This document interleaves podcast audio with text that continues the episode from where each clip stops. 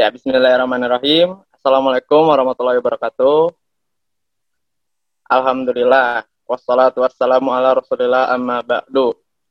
Ya, untuk para pendengar khususnya podcast dari KPS ya dan pada umumnya pendengar-pendengar dari podcast yang ada di Indonesia.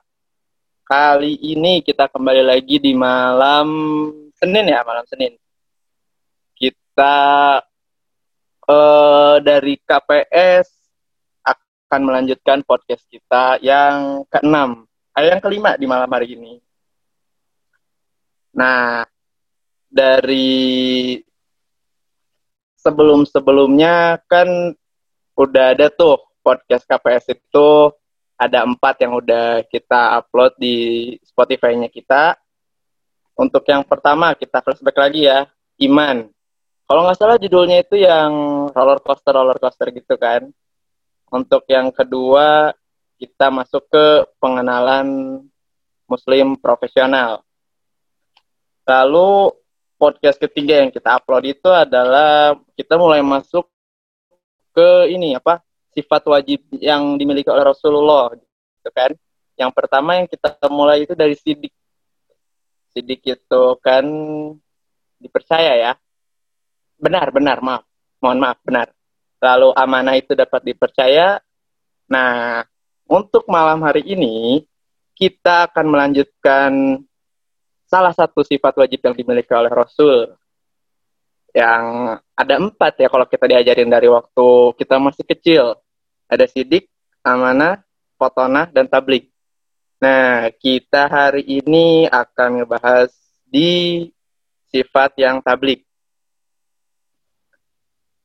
Sebelumnya, pasti pada ingat lah ya, tablik itu waktu kita masih kecil kan kita ngaji tuh di masjid, kita diajarin tuh uh, uh, wujud kidamau itu itu sifat-sifat Allah maaf maaf maaf. Nah balik lagi balik lagi. Tablik itu kan artinya menyampaikan ya.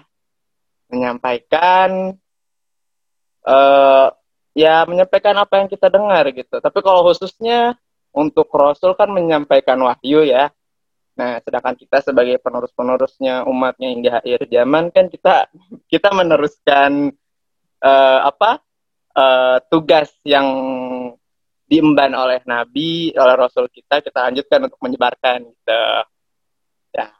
Kita mulai agak serius nih, kita mulai agak serius. Allah Subhanahu wa taala pernah menurunkan wahyu yang tercantum di dalam Al-Qur'an surat Al-Ahzab ayat 21. Coba kita dengar ya. A'udzubillahi minasyaitonirrajim.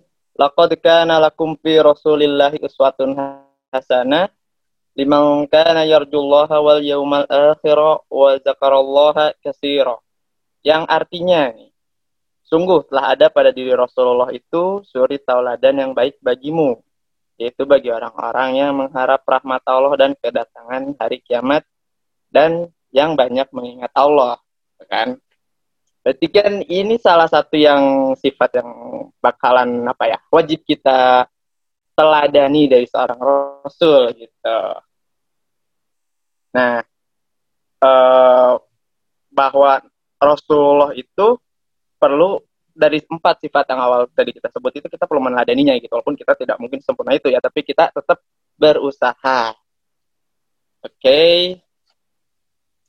Lalu kita apa sekarang? Oh ya, mungkin tidak semudah itu ya, nggak sesimpel itu menyampaikan sepertinya ya. Menyampaikan dengan ucapan itu kan harus dengan perkataan yang benar, lalu serta memiliki dasar yang jelas ya. Nah, nggak mungkin lah kita ngomong sekedar ngomong gitu kan. Nah, coba kita lihat di kutipan ayat yang terdapat dalam Al-Quran surat An-Nisa ayat 9 A'udzubillahi minasyaitonirrajim.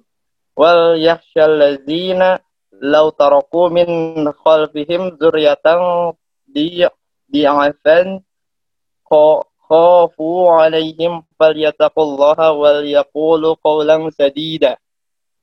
Dan artinya, dan hendaklah takut kepada Allah orang-orang yang sekiranya mereka meninggalkan keturunan yang lemah di belakang mereka yang mereka khawatir terhadap kesejahteraannya. Oleh sebab itu, hendaklah mereka bertakwa kepada Allah dan hendaklah mereka berbicara dengan tutur kata yang benar. Otomatis kan kita udah tahu ya, dari kutipan ayat ini pun kita tuh harus ngomong dengan benar, bukan hanya baik. Begitu. Tambahan satu lagi deh, biar lebih apa ya, biar lebih menguatkan gitu kan dasar-dasar kenapa kita bakalan ngebahas ini ke depannya gitu. Kita kutip dari hadis riwayat Bukhari dan Muslim. Man kana yu'minu billahi wal yaumil akhiri falyaqul khairan aw liyasmut. Siapa saja yang beriman kepada Allah dan hari akhir, hendaklah ia berkata baik atau diam. Wah, tuh kan jaminannya kan udah ke arah iman malah dari kita berkata. Berkata itu kan menyampaikan tablik. Nah, oke. Okay daripada saya ngomong terus ya lebih baik kita sapa dulu uh, narasumbernya aja dulu deh. Eh narasumber. Ya betul betul betul. Narasumbernya dulu deh. Malam ini kita yang sebagai apa kita ngobrol-ngobrol dengan narasumbernya itu Bahana Irianta ya. Coba kita kasih ke Kang Bahana silahkan. Mangga Kang Bahana. Iya, kayaknya udah semua deh. Tadi udah mencakup semua tablik, jadi kayaknya saya gak perlu deh. jangan, jangan begitu, jangan begitu. Ini saya masih pemula ini di sini ya. Jadi ya tolonglah dibantu. Oke, oke, oke, oke, siap. Gimana nih Kang Fakih? Assalamualaikum, apa kabarnya? Waalaikumsalam, sehat-sehat Kang Bana, Alhamdulillah. Sehat walafiat di sini. Gimana itu di Jakarta, Kang Bahana? ya begitu saja lah masih, masih normal tapi pada pakai masker atau mungkin di lingkungan saya aja kali ya. Ya entahlah semoga ke depannya makin lebih baik apalagi dengan adanya psbb besok. Ya semoga penderita bukan penderita yang kena covid 19 menurun juga. Amin. Amin Allahumma amin ya. Oke Kang Bahana. Kita di bareng dengan ada saya sebutin aja ya. Mungkin kalau perkenalan-perkenalan juga yang main udah pada tahu. Kita ingetan aja aja di sini ada Kang Irfan, Kang Fahmi, dan Kang Abdul yang akan mengisi obrolan di malam hari ini. Tuh. Oke, dari sekian apa ya? Mungkin saya hanya membuka dasarnya aja ya untuk mengenai tablik ini gitu kita langsung aja kita bawa obrolan ini kepada narasumber kita yang oh insya Allah sangat luar biasa ini yang biasanya beliau ini uh, sibuk ya sibuk dengan usahanya dengan kegiatannya bekerja begitu kan langsung aja ya kita mulai dengarkan obrolan dari narasumber kita gimana sih opini dari Kang Bahana ini untuk tema bahasan kita malam ini. Mangga, Kang Bahana, saya lempar. Dilempar gimana nih? Ada pertanyaan-pertanyaannya nggak? Bingung tuh. Jawab apa dilempar mah? I, oh tadi mungkin tidak terdengar ya. Maaf, maaf, maaf. Mungkin suara saya terlalu bergetar ya karena gugup, oh. gugup. Maaf, maaf. Jadi sebenarnya opini dari Kang Bahana oh, atau itu pertanyaan. Pemikiran Kang Bahana. Betul, betul, betul. Ya, ya, ya mengenai tablik ini? Oke, sip, sip, sip. Karena ini konteksnya masih dalam muslim profesional ya, temanya muslim profesional. Jadi ya, tablik betul. itu kan, ini kalau saya Google ya, soalnya saya takut salah nih. Tablik artinya menyampaikan. Sifat ini wajib dimiliki oleh seorang rasul sebab yang membedakan dari nabi adalah kewajibannya untuk menyampaikan firman Allah yang diturunkan kepada umatnya. Ini kan definisi sempurnanya ya, tablik yang memang dimiliki oleh Rasul. Kalau kita implement, kalau menurut saya ketika diimplementasikan ke Muslim dan Muslimnya itu Muslim profesional kayak kita kita, tablik itu bisa jadi kita kerucutkan jadi menyampaikan yang baik dan benar. Contohnya misalkan kayak di kerjaan nih, itu kan di kerjaan, terus kita ngelihat kayak ada beberapa sistem yang ini tuh harusnya bisa jadi lebih baik kalau kita melakukan ini gitu misalkan bahana Irfan itu kan diskusi wah ini nih harusnya kayak gini nih biar lebih baik. Dan posisinya di kantor belum sadar lah bisa dibilang ya dengan sistem itu yang bisa menjadi lebih baik. Akhirnya ya kita menyampaikan gitu kita menyampaikan bahwa ini adalah saran dari kami untuk kemajuan perusahaan dan ini bisa membuat sistem perusahaan menjadi lebih baik loh Pak Bu. Oh iya iya boleh boleh boleh silakan langsung di share saja nah itu biasanya suara manajer saya gitu tuh jadi itu bisa jadi salah satu contoh simple ya untuk tablik Kang Fakih yang memang praktikal sehari-hari. Paling opini sederhana saya itu aja dulu deh. Oke, sangat luar biasa ya dari Kang Bahana. Tapi saya masih penasaran nih dengan Kang Bahana ya. Karena kan kalau kita tarik lagi track record ke belakang gitu ya. Kan Kang Bahana ini punya beberapa banyak, bukan beberapa, sangat banyak pengalaman di organisasi begitu kan. Coba misalkan kalau ya uh, mungkin secara formalitas gitu berbeda antara pekerjaan di saat di kantor mungkin mungkin saat di lapang itu sendiri lalu saat mungkin di organisasi dulu dulu gitu waktu masih kuliah mungkin apa ya dari bisa berbagi lah dengan teman-teman gimana nih kondisi tablik itu sendiri di sebagai Kang Bahana nih seorang muslim yang sesuai apa tema kita tuh muslim profesional. Nah, kan mungkin menyampaikan ini banyak gitu ya bidangnya sangat luas sekali menyampaikan gitu. Dan kita kerucutkan aja dari sisi ya sisi uh, lingkup di tempat kerja dulu deh. Yang tadi saya bilang mungkin organisasi, kantor kan tadi sudah disebutkan di kantor. Lalu bagaimana sih kalau di lapangan mungkin gitu? Oke di lapangan ya. Sebenarnya karena saya di konsultan ya sebenarnya jarang sih ke ke lapangan. Paling ya berkunjung ke beberapa pemerintah daerah aja gitu. Kayak Bapedanya, PU-nya. Dan kalau konteksnya menyampaikan sih ya kita menyampaikan konsep rencana tol yang apa adanya gitu kan. Karena saya kerja di konsultan tol di konsultan tol. Jadi ya jelasin aja kalau ini konsepnya begini begini begini. Kalau ada pertanyaan jawab sejujurnya gitu kan. Ini baiknya begini. Terus nanti untuk kemaslahatan daerah seperti ini. Itu kalau memang konteksnya bekerja dan di lapangan sih ya itu aja sih kalau saya sih sebenarnya. Kalau misalkan pertanyaannya di lapangan ya. Tapi ini boleh sekal langsung sekalian ke yang tadi nggak organisasi nih atau perlu di Kang Fakih dulu? Oh boleh boleh. Dilanjut aja dilanjut lanjut aja ya bi. Oke lanjut lah sebenarnya sih karena ini pendengar kita nggak cuma yang bekerja atau kuliah bahkan mungkin ada teman-teman yang masih sekolah ya. Menyampaikan iya, di yang saya rasakan sih sebenarnya ada dua ya kalau saya bagi. Yang pertama itu menyampaikan secara langsung dan yang kedua menyampaikan secara tidak langsung. Dan yang sebenarnya lebih mudah menurut saya itu adalah ketika kita menyampaikan sesuatu yang tidak langsung. Ya, kita bisa mencontohkannya dengan memberi contoh ke orang-orang di sekitar. Contoh, misalkan nih, Kang Fakih nih, Pak Ustadz Fakih, tadi kan misalkan contohnya jalan nih di Polban gitu kan. Jalan ke terus bukan nggak jalan di Polban sorry. Di kelas misalkan dulu. Ada azan Allah Akbar Allahu Akbar. Langsung berdiri. Kita kan bingung ngeliatin. Nih kunaon budak? Ayo sholat. Ah nanti dulu lah baru ke azan. Oh iya ya baru juga azan. Nggak ketang maksudnya. Paling oh iya jangan gitu dong. Ayo kita baru juga kita harus semangat nih azan akhirnya ngajak gitu kan. Dari gerakan awalnya itu kan tidak langsung tuh kayak berdiri.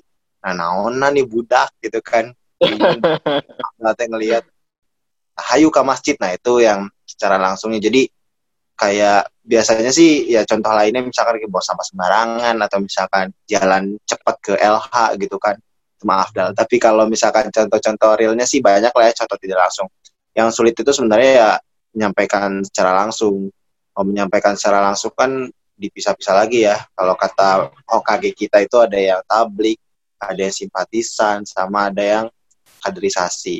Nah, itu kalau misalkan yang tablik cakupannya umum, tapi mentoringnya dikit. Simpatisan ya tengah-tengah. Kalau kaderisasi mentoringnya dalam tapi tidak tablik itu makanya itu bisa jadi salah satu referensi kita menyampaikan.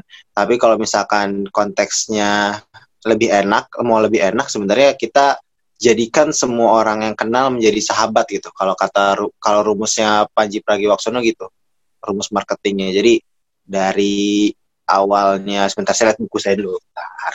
saya waktu itu nyatet nih. Ini sebenarnya ini ilmu yang menarik untuk kita memahami tentang bagaimana kita menyampaikan dan enak menyampaikan. Pertama kita tahu. Tahu nih oh tahu nih. Berarti kita misalkan ya bahana di kampus gitu. Terus ada fakih nanya bah tahu nggak itu temen apa tahu nggak itu ada anak refri? gitu misalkan. Yeah. ada anak refri tahu gitu. Ya tahu gitu kan tahu aja anak refri. Oh anak refri. Tapi nggak tahu siapa. Kenal misalkan kenal tahu nggak kenal nggak sama kahimnya? Oh, kenal kenal. Tapi kan belum tentu teman kalau kenal ya nggak sih? Gitu kan. Betul betul betul. Ya terus ada lagi temen nah kalau udah teman kan ya enak ya teman gitu. Teman kan tapi bukan belum belum berarti teman baik kan. Temen bisa jadi kayak misalkan Mbak Ana sama Fakih nih tem eh, temen gitu. Tapi kan kalau konteksnya temen tuh aneh kan kalau misalkan tiba-tiba eh kita nongkrong padahal kita padahal masih temen gitu. Kebayang nggak maksudnya? Beda sama teman baik yang udah enak diajak nongkrong dan lain-lain. Gitu. Jadi Berarti kalau teman baik traktir gitu ya? Bisa jadi. Oh. itu nanti mungkin di konteks sahabat kali ya. Gitu. oh iya iya iya.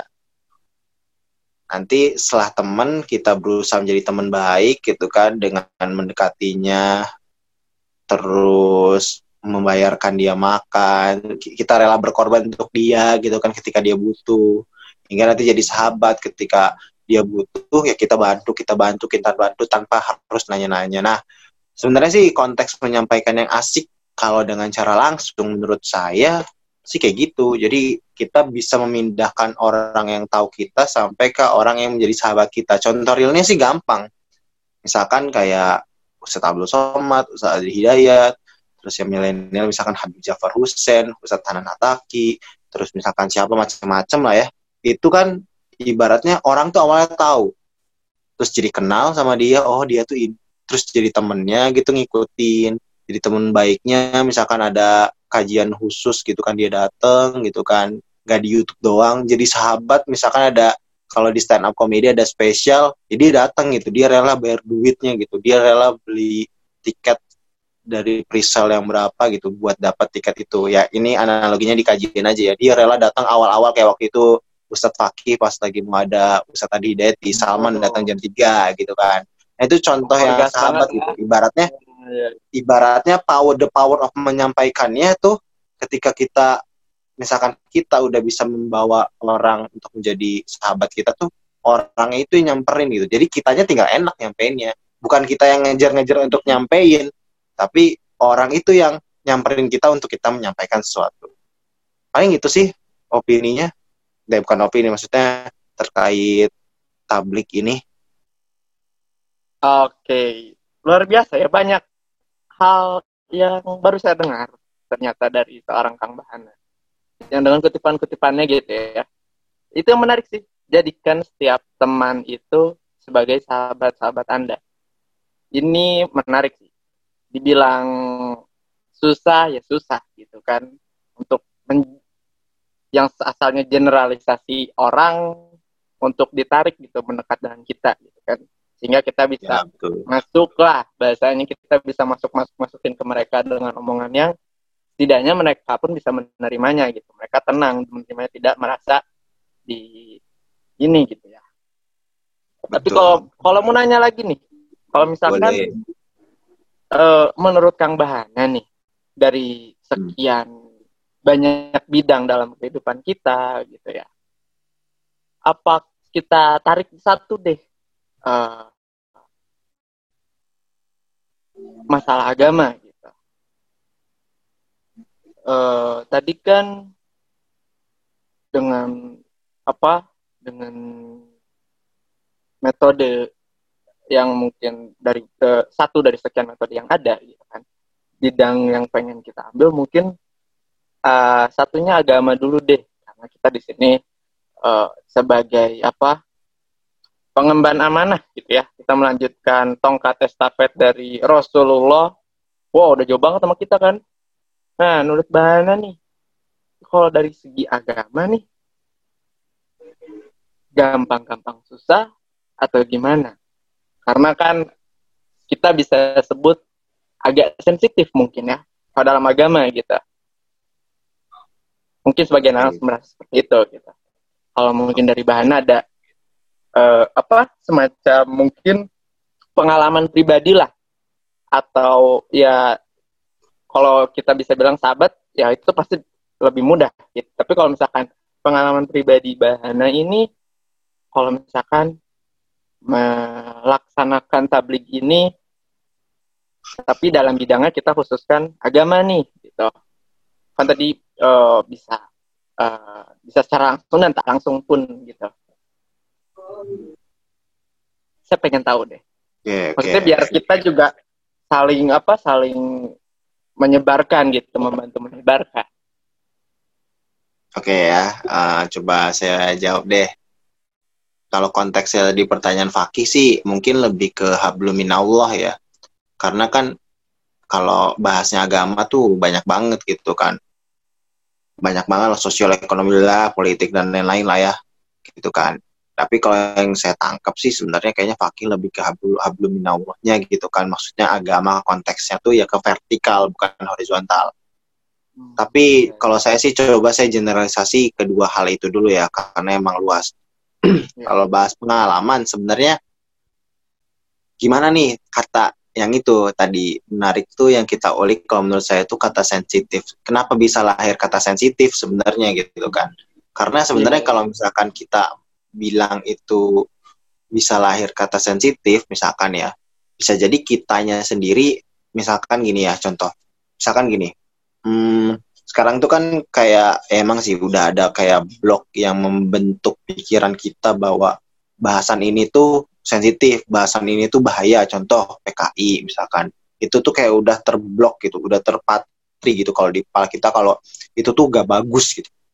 Atau misalkan tentang hilafah misalkan atau misalkan tentang agama dan lain-lain itu kayak udah terpatri gitu. Itu tuh gak bagus dan lain-lain. Tapi kalau menurut saya sih sebenarnya itu tuh hal yang kita tuh belum belum apa ya belum ketahui secara dalam gitu. Kita nggak berdialog sama orang-orang terkait yang bisa menganggap kita sensitif atau misalkan kita terlalu konservatif dan lain-lain lah gitu. Karena kalau misalkan kita ulik gitu ya contoh gini ya ini sorry agak meleset dikit tapi nanti nyambung. Misalkan gini kita misalkan ya Fakih nih Fakih uh, kesel nih sama sama pemerintah gitu misalkan ya. Misal dasar Jokowi Menterian PU-nya gak becus kerjanya tol aja dibangun terus. Itu tuh rakyat di ujung Cirebon, laparan, miskin, dan lain-lain. Gitu. Iya, iya. Itu konteksnya Faki nggak punya teman di PUPR dan nggak punya teman di pemerintahan pusat. Faki berani ngomong gitu. Tapi kalau misalkan gini, Faki punya teman di pemerintahan pusat, misalnya anak-anak kelas pada lolos semua yang di PU, amin, gitu kan. Amin. Udah mereka pada ngurusin tol. Terus nanti misalkan ada yang kerja di pemerintah pusat jadi staf ahli presiden misalkan, Paki bakal ngomong kayak gitu nggak? Hmm, sepertinya lebih temen. disaring ya. Hmm. Karena mungkin kalau ya kalau kita dari sisi apa ya, ya mikirnya kan, iya sih. Tapi saya setuju kalau kalau saya ya secara normal sih ya kurang enak lah. Hmm, ya kan. Jadi kayak jadi kayak karena karena kita udah punya temen di sana jadi pandang sudut pandang kita pun nggak sempit gitu. Nggak langsung hujat-hujat dan lain-lain gitu. Makanya itulah baik lagi kalau misalkan balik lagi ke pertanyaan fakih kalau bahana itulah fungsinya kita tuh sebisa mungkin menggait dulu dari yang tahu kenal minimal temen. Minimal sih kalau menurut saya sih teman baik lah. Baru kita iya. ajak gitu. Secara dekat kita ibaratnya bisa bisa apa ya bisa kalau misalkan konteksnya personal ya kalau konteksnya personal ya. tuh itu tuh bisa secara enak gitu nyampeinnya gitu. Misalkan hmm. kalau bahasan hablum Allah contohnya misalkan ke Irfan gitu kan pan ayolah esok puasa gitu kan. Ayo bah gitu kan. Gitu kan. Terus misalkan bah pan kayak apa bangun hudang kenya tahajud misalkan gitu kan. Jadi itu udah konteksnya enak. Tapi kan kalau misalnya baru juga kenal temen gitu kan. Iya iya. Kecuali emang modus gitu kan ya itu mah yeah. itu mah fakih itu. Apa sebutannya sih Pak Boy Syariah sih tapi ya sudahlah itu emang bahas kita bahas netizen ya. Itu fakih lebih paham nih tuh sebenarnya ya guys.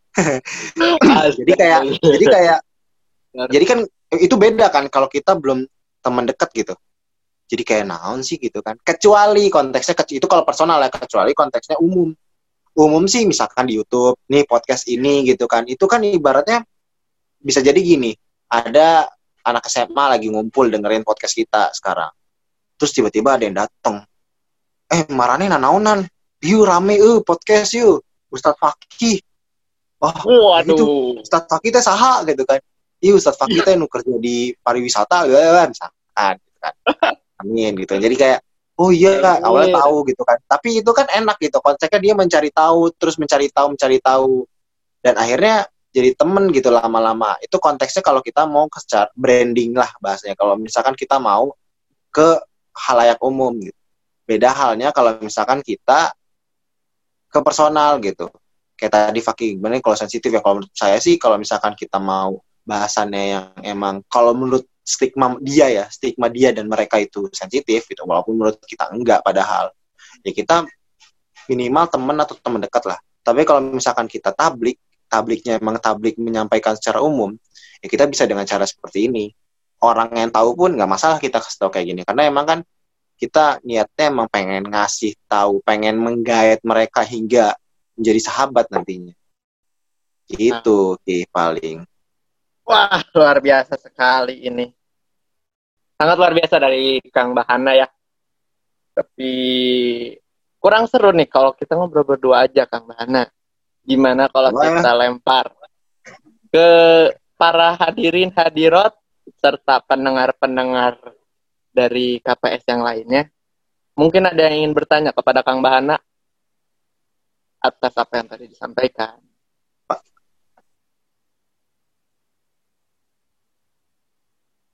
Gimana? Kang Irfan mau bertanya, Kang Irfan? Tes, tes. Ada suaranya? Iya, mangga, mangga, mangga. Terima kasih buat Kang Paki atas kesempatannya yang diberikan kepada saya. Dari tadi yang sudah disampaikan oleh Kang Paki dan juga Kang Bahana mengenai tablik atau sifat komunikatif yang salah satu sifat teladan Rasulullah yang harus kita teladani, saya tertarik dengan cerita-cerita ataupun juga pesan-pesan yang sudah disampaikan dengan Kang Bahana nih. Saya ingin nanya ini Kang, selain dari niat yang kuat atau niat yang baik dan juga kita harus tahu ilmu atau pengetahuan yang baik atau yang cukup dulu, apa sih yang menjadi rintangan-rintangan dalam menjalani atau dalam melakukan tablik itu Kang? Mungkin kurang lebih seperti itu Kang Bahana. Oke, kita langsung lempar aja pertanyaannya ke Kang Bahana. Ini Mangga, sulit dijawab. sih, ini sulit sih. Maksudnya karena emang saya sendiri belum banyak merasakan ya. Maksudnya kalau misalkan konteksnya emang berdakwah belum Allah gitu. Tapi coba saya kerucutkan ke pengalaman aja deh ya, cerita lagi aja gitu yang pernah saya alami gitu. Rintangan-rintangan ya ini kalau misalkan konteksnya misalkan gimana ya menyampaikan. Hmm, contohnya misalkan saya pernah dulu sama kabin terpilih waktu itu di kampus pengen ngerubah sistem lah ya. Saya menyampaikan ke teman-teman sama Faris waktu itu konsep sistem yang bagus untuk organisasi saya waktu itu. Rintangannya apa? Rintangannya ya ditolak gitu karena sistemnya memang benar-benar berbeda dengan sistem-sistem sebelumnya. Mereka nggak setuju, mereka menolak, dan itu menjadi suatu rintangan mungkin ya. Itu analogi rintangan yang mungkin Kang Irfan maksud.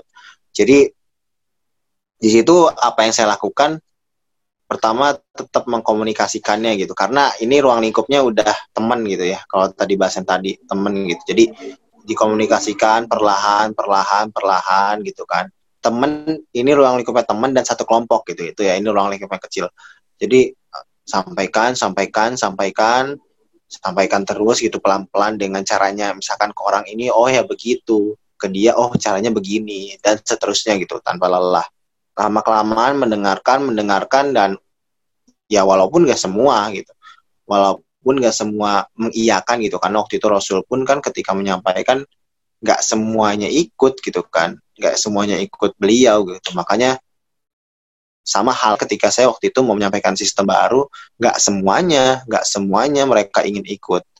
Ya akhirnya oke okay, sudah mayoritas banyak langsung dijalankan saja gitu. Langsung dijalankan sistemnya. Dan alhamdulillah sih waktu itu lama kelamaan karena sudah lihat progresnya dan lihat prosesnya progres dan prosesnya maksudnya lihat progresnya jadi oh ini udah bagus nih ini bagus nih gitu kan. Bagus akhirnya banyak juga yang pro.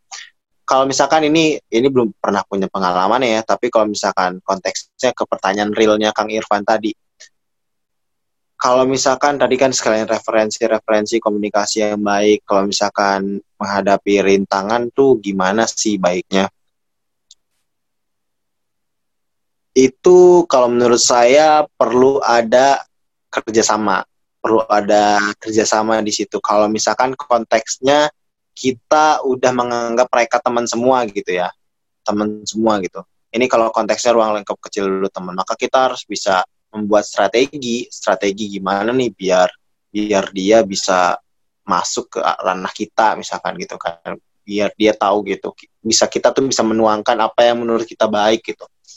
Apa yang menurut kita benar gitu. Minimal dia bisa ya kita bisa ajak dia ngaji bareng gitu ngaji baca Quran bareng atau apa dan lain-lain gitu kan misalkan. Jadi hal-hal sederhana itu dulu gitu. Kita bisa kerjasama dengan cara-caranya ngobrol-ngobrol lain-lain dulu dan lain-lain. Intinya sebenarnya kalau saya sih kesimpulan dari semuanya baik lagi ke diri sendiri. Seberapa jauh kita mau mencari solusi itu karena i, pasti ada aja sih solusinya gitu kan. Bersama kesulitan kan pasti ada kemudahan.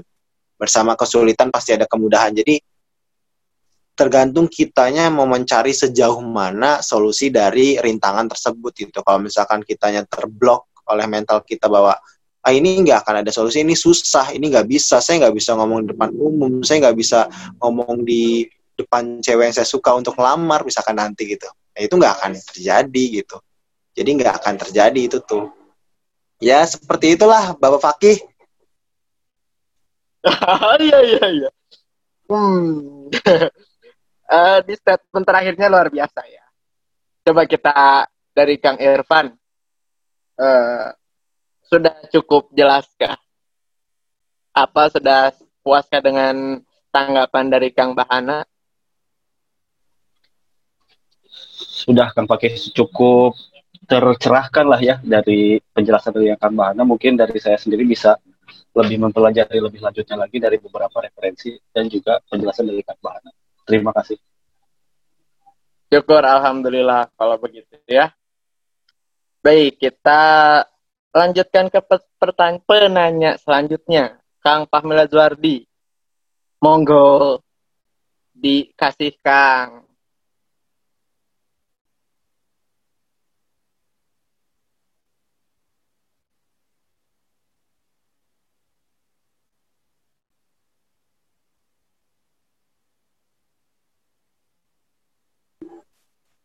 Sepertinya nge-like. Oh enggak.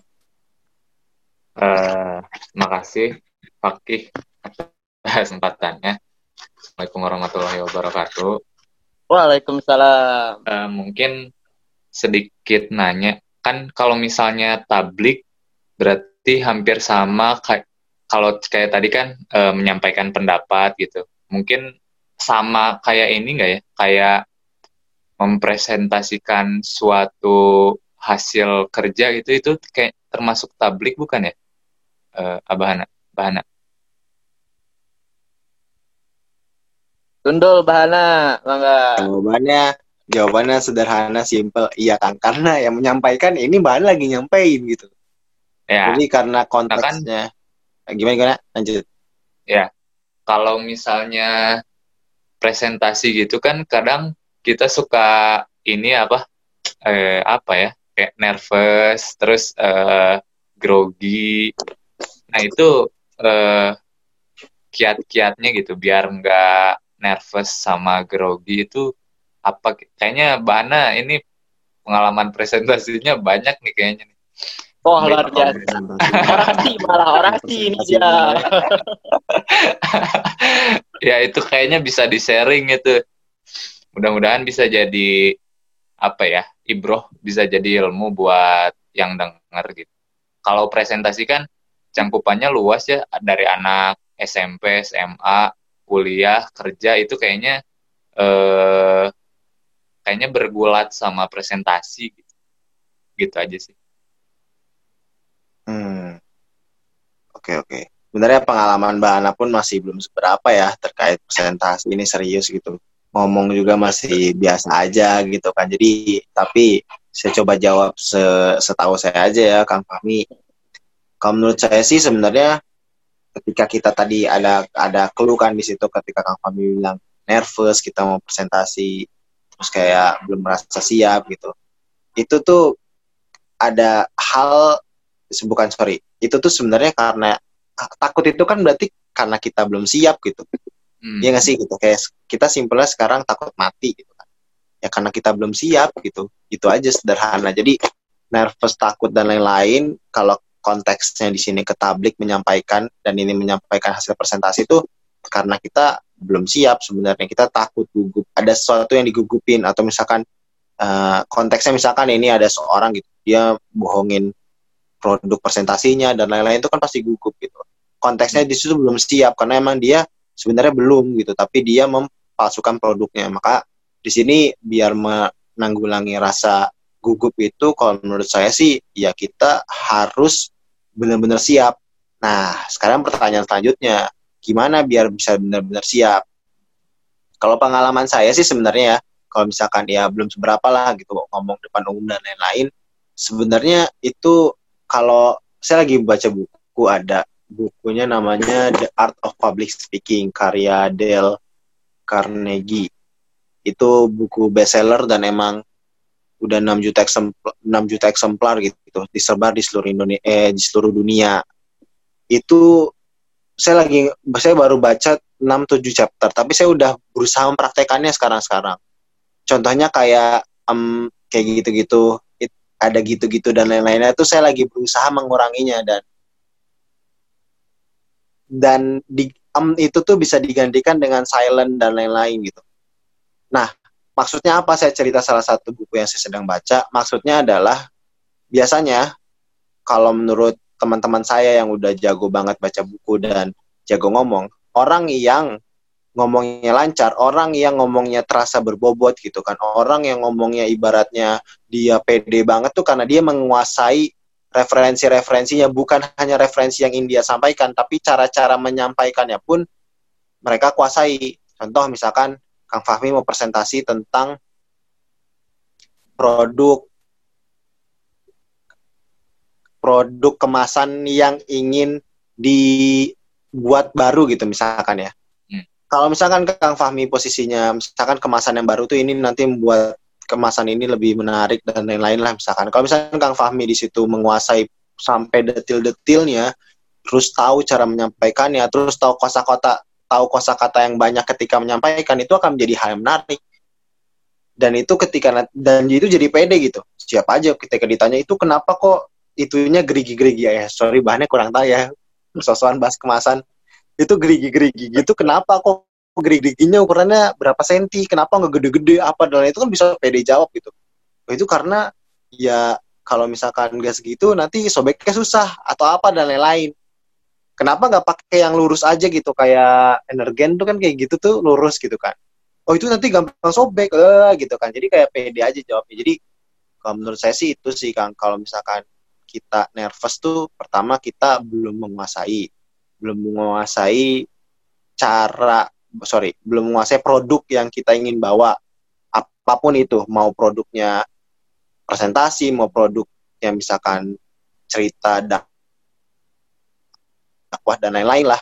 Dan yang kedua, kita tidak memperbanyak referensi kita tentang bagaimana komunikasi yang baik lah ya kita umumkan dulu gitu. Komunikasi yang baik gitu. Bagaimana mengkomunikasikan ke orang biar orang itu paham. Karena gini menarik, saya punya punya analogi yang bukan punya analogi, saya punya quotes yang sampai sekarang saya ingat terus. Kalau saya lupa dari siapa ya tapi sorry. Kalau kita sudah bisa menyampaikan sesuatu yang kita kuasai, contoh saya di sipil, teknik sipil, jalan jembatan, ke anak enam tahun dan anak enam tahun itu ngerti, maka kamu kamu tuh konteksnya saya sudah menguasai ilmu tersebut. Jadi misalkan kayak Kang Fahmi nih, gitu kan. Di sini kan sipil semua nih, Kang Fahmi doang yang bukan sipil nih, kebetulan banget pas gitu kan. Misalkan gini, Kang Fahmi kalau misalkan dikasih tahu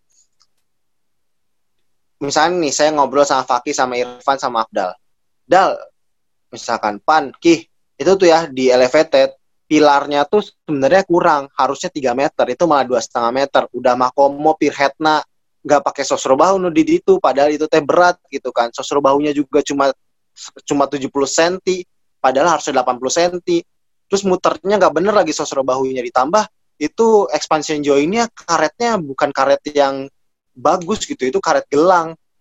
Kan itu kamu nggak ngerti gitu ya. Naon iya, pilar yeah, yeah. naon head gitu kan. Naon sosok bahu gitu kan. Tapi kalau dijelasinnya gitu, gini ya. misalkan misalkan ya Bana berusaha nih ya semoga Bana bisa lah gitu. pilar itu kayak tiang lah nih Kang. Tiang gitu tiang tapi ukurannya gede yang menompa si um, topi sebutannya kalau Bana jelasin ke orang tuh. Topi jadi kayak topinya itu tuh jadi kayak ini tiang ada topi gitu dia nahan. Terus sosro bahu tuh apa? Sosro bahu tuh jadi karena si topinya itu berat bayangin 300 ton dan di tengah tol kan elevated itu jadi dibentuknya itu dicornya itu pakai kerangka-kerangka topinya biar bentuknya ke topi. Ini konteksnya kalau jelasin sama pakai gambar ya itu kayak gini bentuknya gitu dia lurus dulu topinya gitu baru diputer. Nah, puternya itu kayak apa? Kayak dongkrak lah. Pernah lihat dongkrak kan? Oh iya, pernah pernah. Kang Fami pernah lihat dongkrak kan? Pernah, pernah. Nah, dongkrak itu kan kalau misalkan Kang Fami taruh aja dongkraknya di tengah mobil diangkat. Mobilnya kan jadi gampang diputer. Ser. Ser. Analoginya gitu kan? Nah, sama sosor bahu analoginya gitu.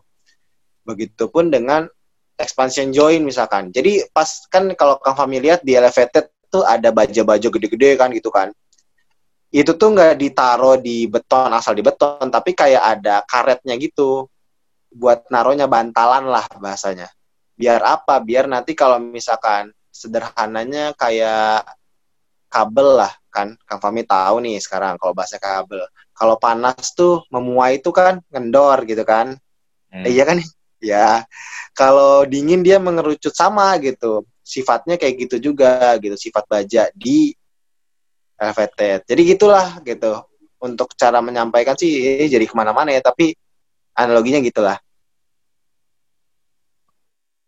Berarti harus prepare-nya well prepare ya. Yang pertama harus disiapin mungkin baru ke sananya bisa betul. berbicara banyak. Siap. Makasih banget. Sama pembiasaan, pembiasaan gitu. Kita ngebiasain. Ya. Oke. Okay. Berarti tadi perlu jam terbang juga ternyata ya Bahana ya. Eh Kang Bahana ya ternyata. Hmm, jam terbang. Diri. Iya, lama kelamaan sih kalau emang konteksnya menyampaikan emang perlu jam terbang gitu. Perlu. Oh. Ya, baik baik baik. Dan tadi Kang Fahmi udah puas Kang Fahmi? Dengan... Udah, udah. Oke, siap. Uh, selanjutnya ini Kang Afdal mau bertanya tidak Kang Afdal?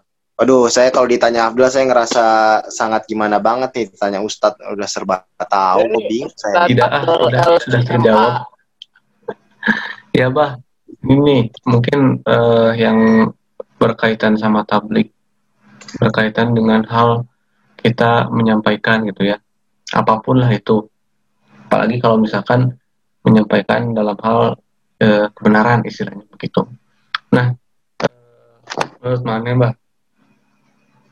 gimana sih sebenarnya eh, pendapat Bahana nih kalau gimana caranya agar ketika kita dalam proses berdakwah dalam proses menyampaikan itu tuh kita bisa struggle dalam kondisi apa pun.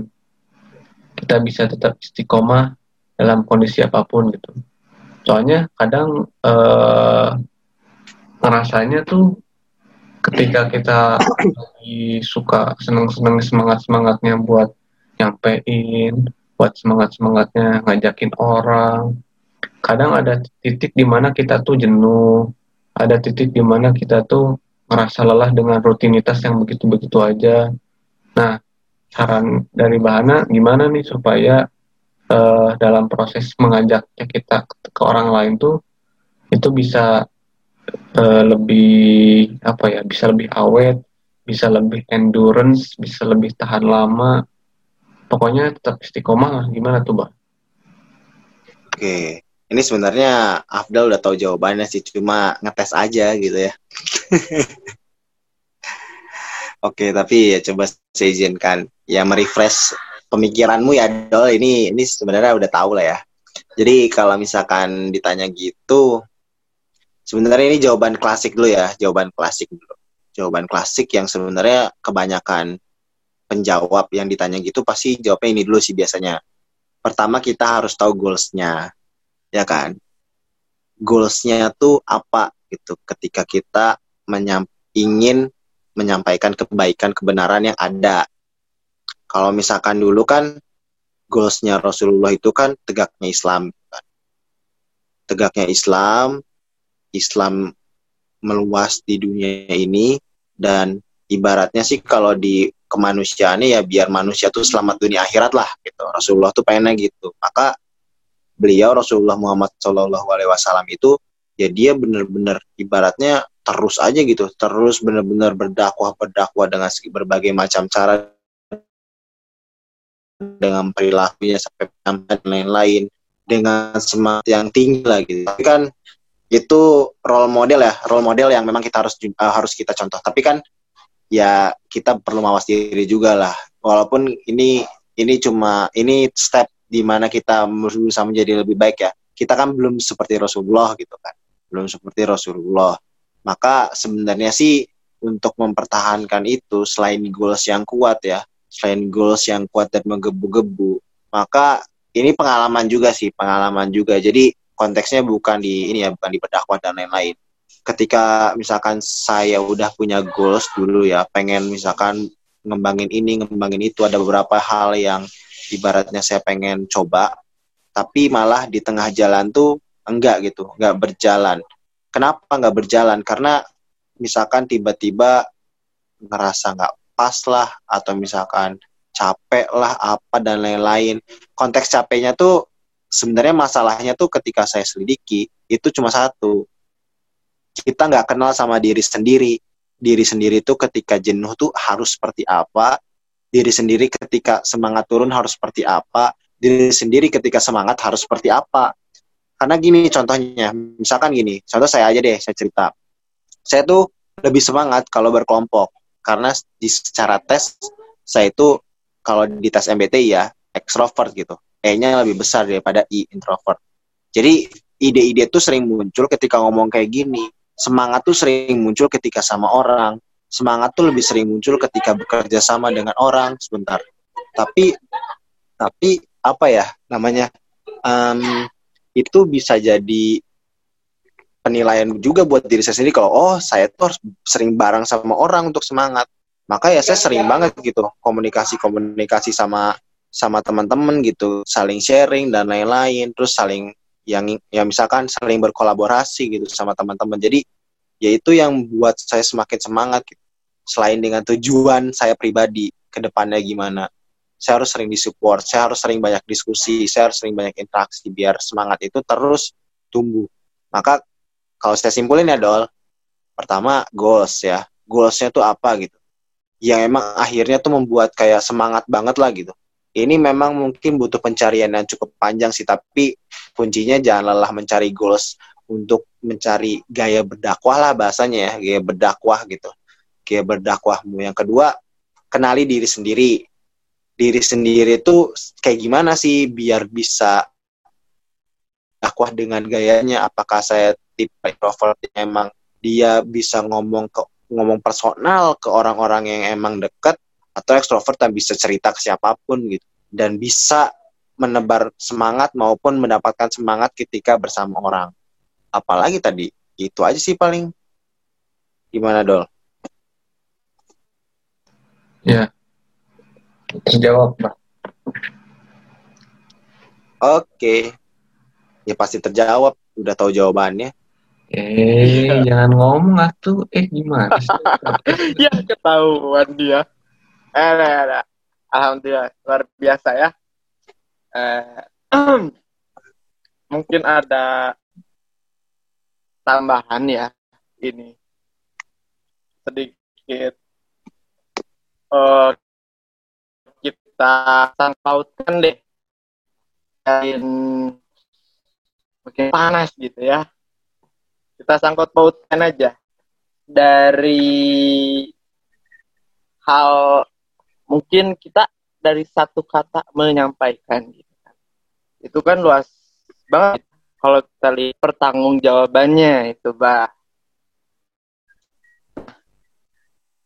sekiranya nih kan tadi kita harus menguasai apa materi yang akan kita sampaikan. Lalu misalkan ya jam terbang harus punya juga gitu kan lalu ya dari hal itu kira-kira kan tidak mungkin kita sembarangan ngomong gitu ya dalam konteks menyampaikan ini karena pasti ada pertanggungjawabannya kelak. Gitu. Lalu kan, kalaupun kita menyampaikan yang baik, yang benar, itu bisa jadi apa amal jariah insya Allah uh, hingga kita wafat nanti gitu. Nah dari bahana mungkin apa ya?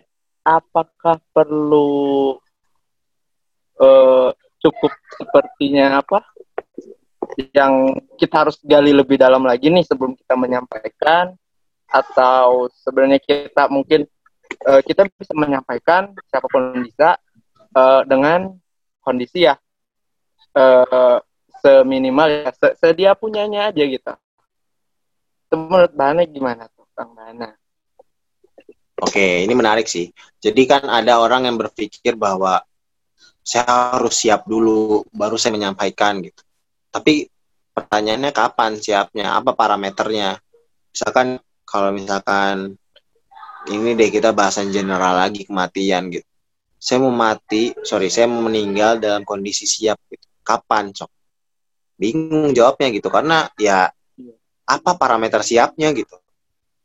Ya, bingung lah gitu, bingung banget gitu. Para sahabat pun bingung kita ketika mungkin bingung ya mungkin ya mungkin bingung ketika iya. ditanya gitu siapa atau enggak yang nggak akan siap gitu soalnya ya bisa jadi nanti pas meninggal dalam kondisi yang nauzubillah min jalik dalam kondisi yang tidak dalam kebenaran tidak dalam kebaikan itu kan jadi yang dianggap tadinya siap jadi ya buat apa kesiapannya nggak ada makanya konteksnya kalau misalkan dalam menyampaikan sih kalau menurut saya analoginya tadi ya walaupun analogi terlalu tinggi jadi misalkan kita sebenarnya emang paling asik tuh learning by doing. Jadi misalkan gini, kita udah tahu nih, udah tahu cara misalkan ya, kita udah tahu nih, udah tahu caranya berbisnis gitu. Bagusnya sih kita praktekin dulu sampai gagal, sampai ada kegagalan satu gitu. Nah itu tuh bisa jadi cerita kegagalan itu. Tapi ruang lingkup ceritanya masih ruang lingkup kecil dulu, teman-teman deket dulu terus terus terus berbisnis bisnis bisnis gagal bisnis gagal bisnis gagal sampai nanti kegagalan yang paling maksimal dan keberhasilan yang termaksimalkan juga itu bisa lebih luas ceritanya nanti dengan cerita-cerita kayak gitu jadi konteksnya ketika kita tahunya sedikit gitu tahunya sedikit dan emang kita pengen menyampaikan ke ruang lingkup yang kecil dulu kalau menurut saya jadi misalkan kita tahu nih kalau misalkan oh ibaratnya ada nih yang bersama kesulitan ada kemudahan, bersama kesulitan ada kemudahan di Al Insyirah ayat 5 dan 6. Kita sampaikan dulu aja yang terdekat gitu. Dengan cara kita. Beda halnya kan kalau kita ngasih taunya misalkan langsung ke umum dan lain-lain yang emang orang nggak kenal. Naon sih gitu nantinya jadinya apa sih gitu kan. Jadi ya mulai dari ruang lingkup yang kecil dulu sih kalau menurut saya ruang lingkup yang kecil dulu, kecil, kecil, besar, besar, besar, besar, besar, baru nanti sampai kita bisa menyampaikan itu ke banyak orang Kiki paling Oke. Iya, karena mungkin apa ya? Ya setuju, saya setuju. Yang jelas setuju dengan Bahana. Saya menang, uh, sangat uh, kita mencerna bareng-bareng ya apa yang Bahana tadi uh, sharing, berbagi ke kita masalah mengenai tablik ini. Gitu. Karena mungkin waktu sudah agak ter apa ya terlalu lama mungkin ya kita ini deh mungkin masih ada pertanyaan penutup mungkin dari teman-teman sebelum kita mengakhiri sesi ini dan Cukup sebelum ya, soalnya teman-teman yang lain lebih hebat lebih ini. Cukup cukup lah cukup. Oke ya udah kita cukupkan aja gitu. Sudah ya kita jadikan yang apa yang jawaban terakhir mana kita jadikan closing statement atau mau menambahkan closing statement lagi? Itu aja lah apalagi ya terlalu banyak ngomong. Tinggal kalau banyak ngomong gini tuh Oke, okay, ternyata narasumber kita kelelahan, teman-teman. Ya, dia jelas mungkin sedang menikmati hari liburnya ya di Jakarta ya. Ya, ya mungkin siap untuk PSBB esok hari ya dan bekerja gitu. Ya udah, uh, mungkin ada beberapa hal yang bisa saya berikan kesimpulan dalam podcast kita malam ini ya. Setelah kita banyak sekali mendapatkan ilmu-ilmu baru gitu kan. Mungkin ya inilah yang hasilnya yang saya dapatkan gitu ya. Ternyata dari menyampaikan itu uh, sangat kompleks gitu kan, sangat rumit lah, sangat sangat banyak bidangnya gitu kan dan caranya metodologinya sangat macam-macam gitu kan cuman kita balik lagi isinya itu apa? Apa yang akan kita sampaikan kan? Dengan persiapan dan segala macamnya gitu. Cuman kita lihat goalsnya juga gitu. Setelah apakah itu akan jadi manfaat buat kita ke depannya? Lalu apakah itu hanya sekedar ya mungkin apa omongan-omongan yang di sela-sela waktu kosong gitu kan? Intinya kita bawa setiap hal yang kita sampaikan terkhususnya dalam bidang agama gitu kan. Ya agar kita apa ya mendapatkan ilmu jelas mempertajam memperingat lagi ilmu-ilmu yang kita miliki serta membagikannya gitu kan. Syukur-syukur dan alhamdulillah itu bisa jadi uh, apa amal jariah buat kita gitu kan. Di saat dia melakukan itu kita, pahalanya tidak akan dikurangi sama sekali apa kepada orang yang mengingatkannya itu sendiri gitu dan semoga apa pertemuan kita malam ini pertemuan via daring ya gitu. Dalam apa ya memperkuat memper meningkatkan kembali gitu. Mengenai apa sisi-sisi agama gitu yang kita lihat kita olah gitu dalam kehidupan sehari-hari bekerja ataupun sekolah ataupun organisasi seperti itu gitu kan ya terima kasih kepada semua pendengar malam ini yang mendengarkan podcast ini dan, sumber serta teman-teman yang lain uh, kita uh, tutup dengan alhamdulillahirobbilalamin dan wassalamualaikum warahmatullahi wabarakatuh.